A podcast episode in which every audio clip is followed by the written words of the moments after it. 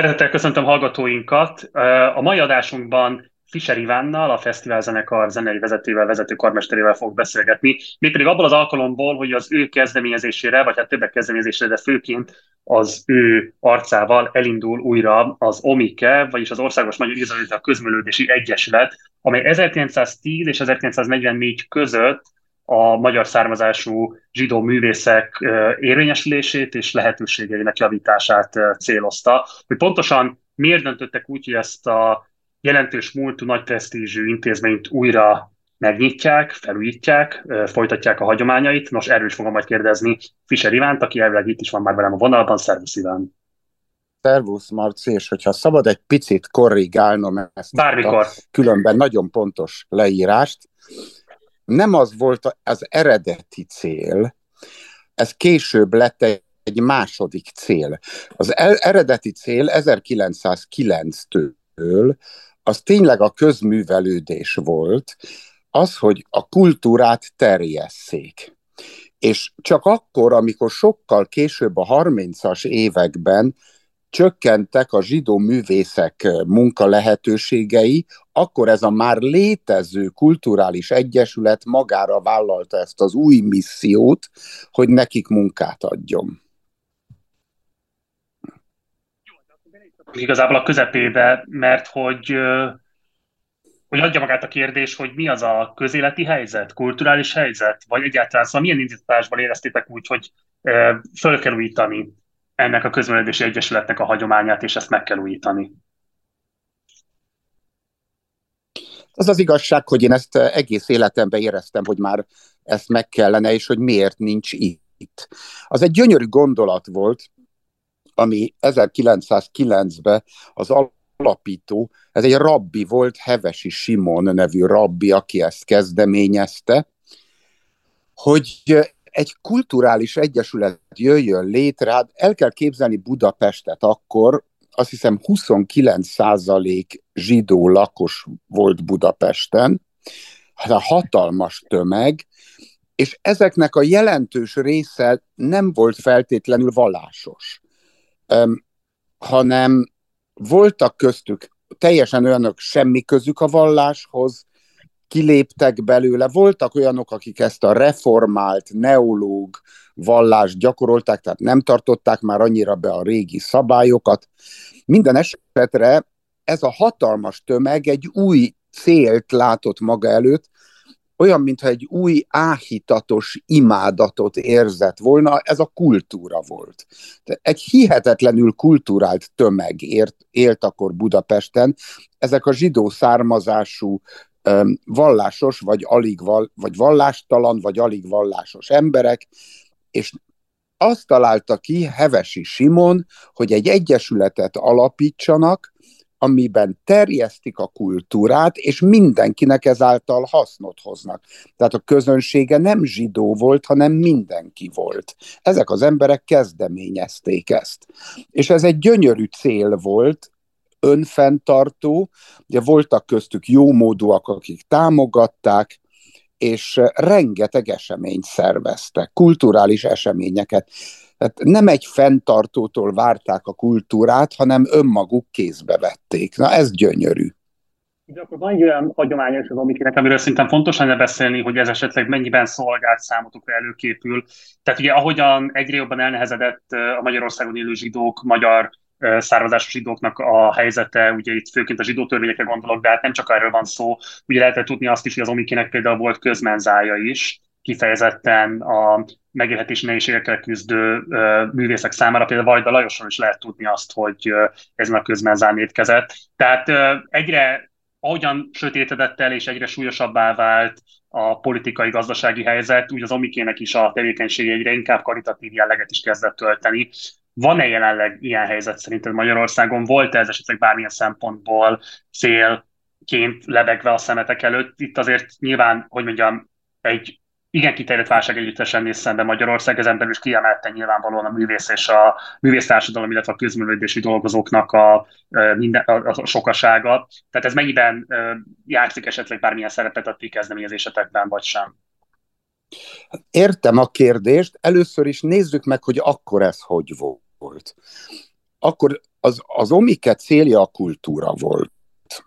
És fokozatosan jöttek a zsidó művészeket megszorító törvények, intézkedések, és akkor ez, a, ez az erős, létező kulturális szervezet ezt a missziót magára vállalta, és elindított, ennek egy neve is volt, úgy hívták, hogy művész akció. A művész akció volt az a kezdeményezés, hogy olyan eseményeket szerveznek, ahol ezek az állástalan zsidó művészek, akiket innen-onnan kirúgtak, fel tudnak lépni. És volt valóban menza, másféle segély, mindenféle. Most ha úgy teszed fel a kérdést, hogy van-e ma szükség művész akcióra, akkor azt mondanám, hogy egyáltalán nincs. Ennek semmi köze nincs a mi kezdeményezésünkhöz, illetve valamennyi köze mégiscsak van, mert bármikor lehet egy ilyen probléma. Tegyük fel, hogy nem most, és én nem akarom az ördögöt a falra festeni, de képzeljük el, hogy tíz év múlva megint szükség lesz ilyesmire. Azt csak akkor tudjuk ellátni, ha van egy erős kulturális szervezetünk. Tehát tulajdonképpen akkor érdemes egy ilyen dolgot felépíteni, amikor nincs baj. Ez világos, és nem is akarok beletolni semmilyen vélt vagy valós politikai vagy közéleti pozícióba, de muszáj megkérdeznem, azért nehéz nem látni azt, hogy ez, vagy azt gondolni, azt föltételezni, hogy ez a kezdeményezés azért valamilyen szinten válasz is arra a kulturpolitikai klímára, ami az elmúlt 12 évben kialakult ebben az országban, aminek nyilvánvalóan te sem vagy haszonélvezője, a fesztiválzenekar pedig kifejezetten kárvalotja. Nem is akarok ebbe hosszan belemenni, meg tudod erősíteni, vagy inkább cáfolni akarod, reakció-e az Omike újra életre hívása a jelen kulturpolitikai kihívásaira? Hát ilyen rövid távú gondolkodás szerint nem. Hosszú távú gondolkodás szerint igen. Tehát ha úgy tesszük fel a kérdést, hogy jó-e az, hogy van egy teljesen önfenntartó, a közönségből építkező egyesület, amelyik kulturális tevékenységet folytat, akkor azt mondom, hogy bizony ez nagyon jó, mert bármikor előállhat olyan helyzet, hogy nem olyan szép dolog az, hogyha ha az államtól függ minden művészeti produkció. Tehát minél több az alulról szervezett közönségre támaszkodó öm, szerveződés, szerintem az jót tesz a kultúrának, és és mi nem latolgatjuk, én egyáltalán nem latolgattam azt, hogy lesz-e majd erre egyszer szükség, ha baj lesz, vagy nem. Azt gondolom, hogy ez egy nagyon egészséges dolog, egy alulról szervezett a közönség tulajdona, tehát ahol az, emberek úgy érzik, hogy ez az ő kulturális egyesületük. Ez mm. egy gyönyörű dolog. Milyen célokat tűztök ki magatok elé, tehát milyen típusú tevékenységre készültök, hogyan kell elképzelni az omikét a hétköznapokban? Nem hiszem, hogy én az a típus lennék, aki mint egy építész jól megtervez egy házat, és minden részletébe aztán az úgy épül fel. Lehet, hogy én inkább olyan vagyok, aki egy ilyen kugli vagy teke golyót elgurít, és aztán az valahol eléri a célt, vagy nem lehet tudni, hogy me- mekkora célt ér el. Most ennek van egy konkrét azonnali célja, és ez a Rumbach Sebestyén utcai zsinagógával kapcsolatos, amit hát felújítottak gyönyörűen, de hát nem zsinagógának, mert zsinagógának ott van mellette a dohány, annyi zsidó nem él már Budapesten, hogy ellássa mind a kettőt, megtöltse. Itt tényleg felmerült, hogy mit, mit lehet csinálni ezzel a fantasztikus épülettel, Otto Wagner remek művéről van szó. És akkor kialakult a cél, hogy legyenek ott Isten tiszteletek mellett kulturális rendezvények. Így is állították helyre a zsinagógát, tehát van benne egy ilyen szószék, ez a bima, ami le tud süllyedni, és akkor gyönyörű nagy kulturális tér lesz a zsinagóga közepén. De a mazsihész, akinek a tulajdona az épület, neki igazán nincs arra költségvetése, meg nem is ez a funkciója, hogy koncerteket, meg ilyesmit tervezzen, és ezért jött nekem az a gondolatom, hogy na most kellene az omikét újra alapítani. Itt van egy hatalmas ajándék, amit a budapestiek kaptak, ez a fantasztikus tér, azzal a célral, hogy ott kultúra legyen, akkor most szervezzük meg a közönséget, amelyik ezt fenntartja, magáénak érzi. Az, hogy ez tud-e tovább fejlődni, hát meglátjuk, hogy hány tagunk lesz. Ezt ma hirdettük meg. Ha nagyon sokan leszünk, és lesz rá elég anyagi forrás, akkor ez tud minél több dolgot fenntartani, esetleg segélyeket, ösztöndiakat, szociális segítséget is adni művészeknek. Neked mennyire lesz érdemben lehetőséged a szervezet működésében részt venni? Kérdezem ezt azért is, mert most jelenleg Berlinben tartózkodsz, éppen tudtalak csípni, mert holnap reggel már Vincenzában leszel, majd egyébként mondd el, hogy pontosan mit csinálsz ott, de hát, hogy mondjam, 48 órán belül is változik a helyszíne a tartózkodásodnak. Fogsz-e tudni ezzel érdemben foglalkozni, hiszen eléggé bokrosak a teendőid? Mindenre van idő, tehát én nem hiszem, hogy időhiány van. Abszolút én a lehető legintenzívebben foglalkozom ezzel, mert ez nagyon fontos nekem. Részben talán családi okok miatt, mert az apám is sokat dolgozott az Omikében, amikor ő is először a Vix színházban volt, aztán belvárosi színház, e, ezekből elbocsátották, és ott évekig csak az Omikénél tudott dolgozni. Hát nálunk az Omike egy legenda volt. És az, hogy most ezt sikerül újra alapítani, tényleg úgy érzem, hogy 113 évvel az eredeti alapítás után valami folyamatosságot szeretnék létrehozni, hogy hát ez nekem nagyon fontos, és erre lesz idő. Teljesen mindegy, hogy honnan, mindenhol van telefon, számítógép, beszélek a budapesti társaimmal, akikkel együtt csináljuk ezt, és minden, minden szépen gördülékenyen menni fog.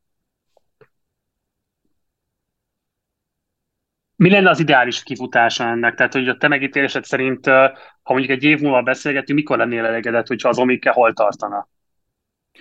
Legyen mondjuk 3000 tagja, jelenleg van 10 alapító támogatója, mondjuk le, nem kell sokkal több legyenek ők 20-30-an, és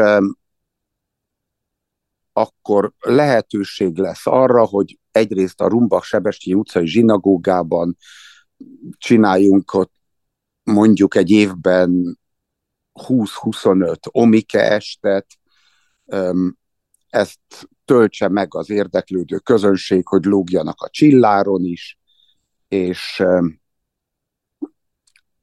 így szépen fejlődjön ez a dolog, talán még arra is lesz lehetőség, hogy egy-két ember támogassunk, aki rászorul erre. Többet én nem várok az omikétől.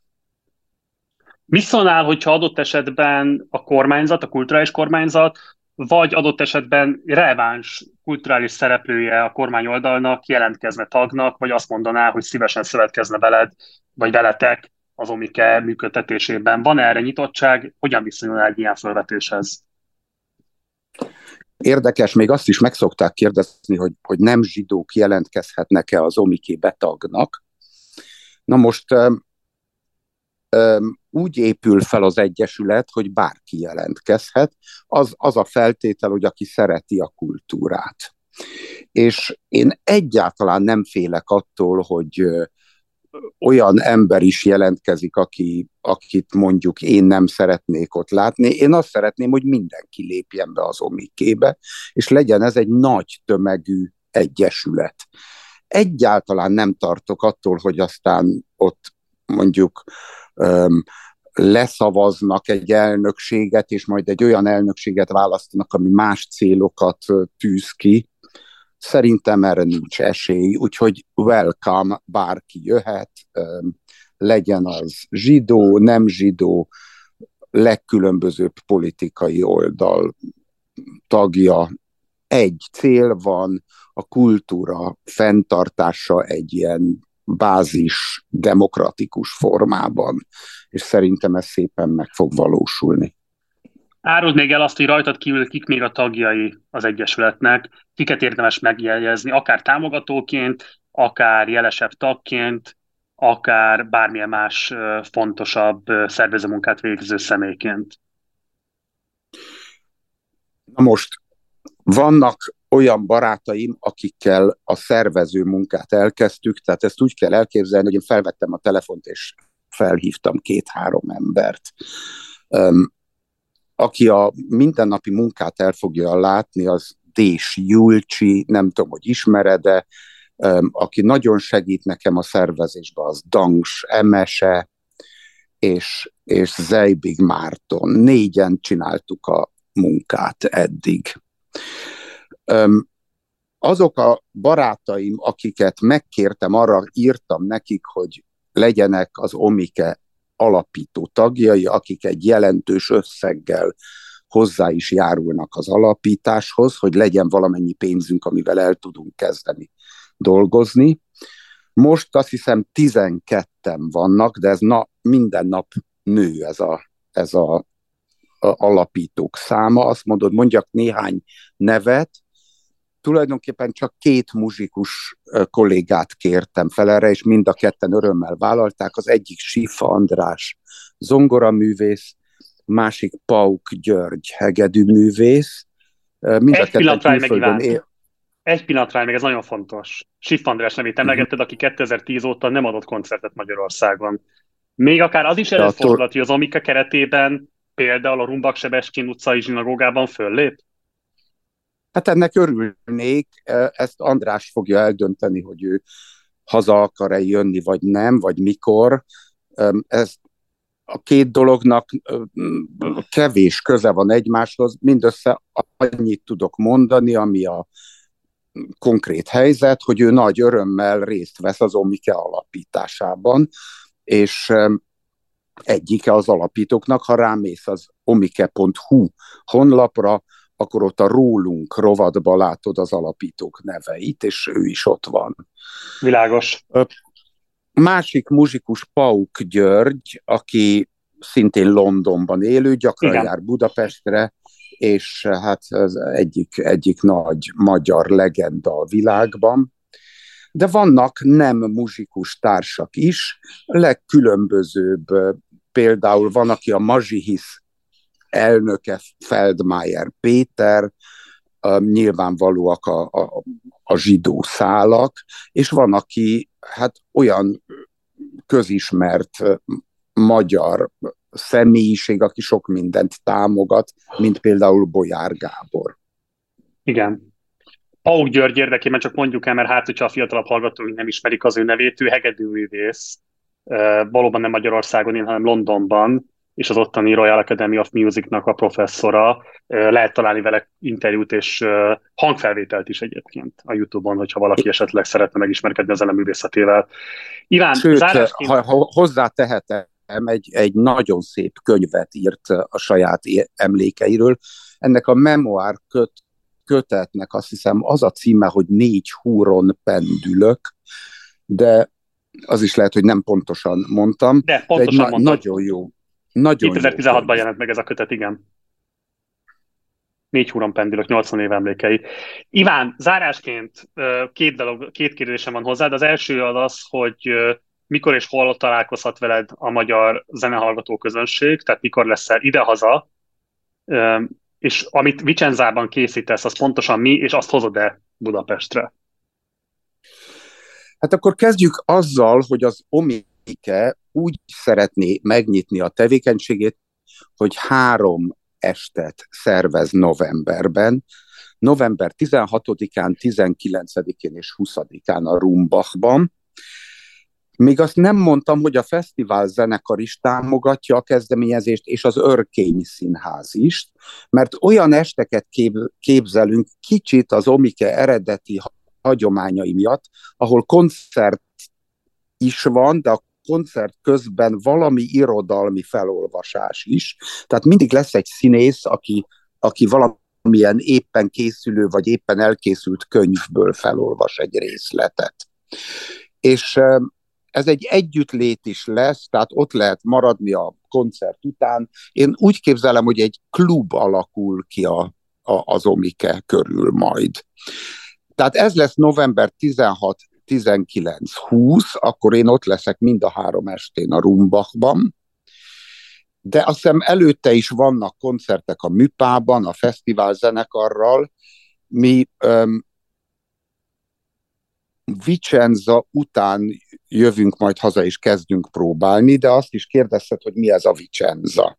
Igen. Hát ez a mi, ez a mi opera fesztiválunk Olaszországban, ott van egy fantasztikus színház, a Teatro Palladio. Igen.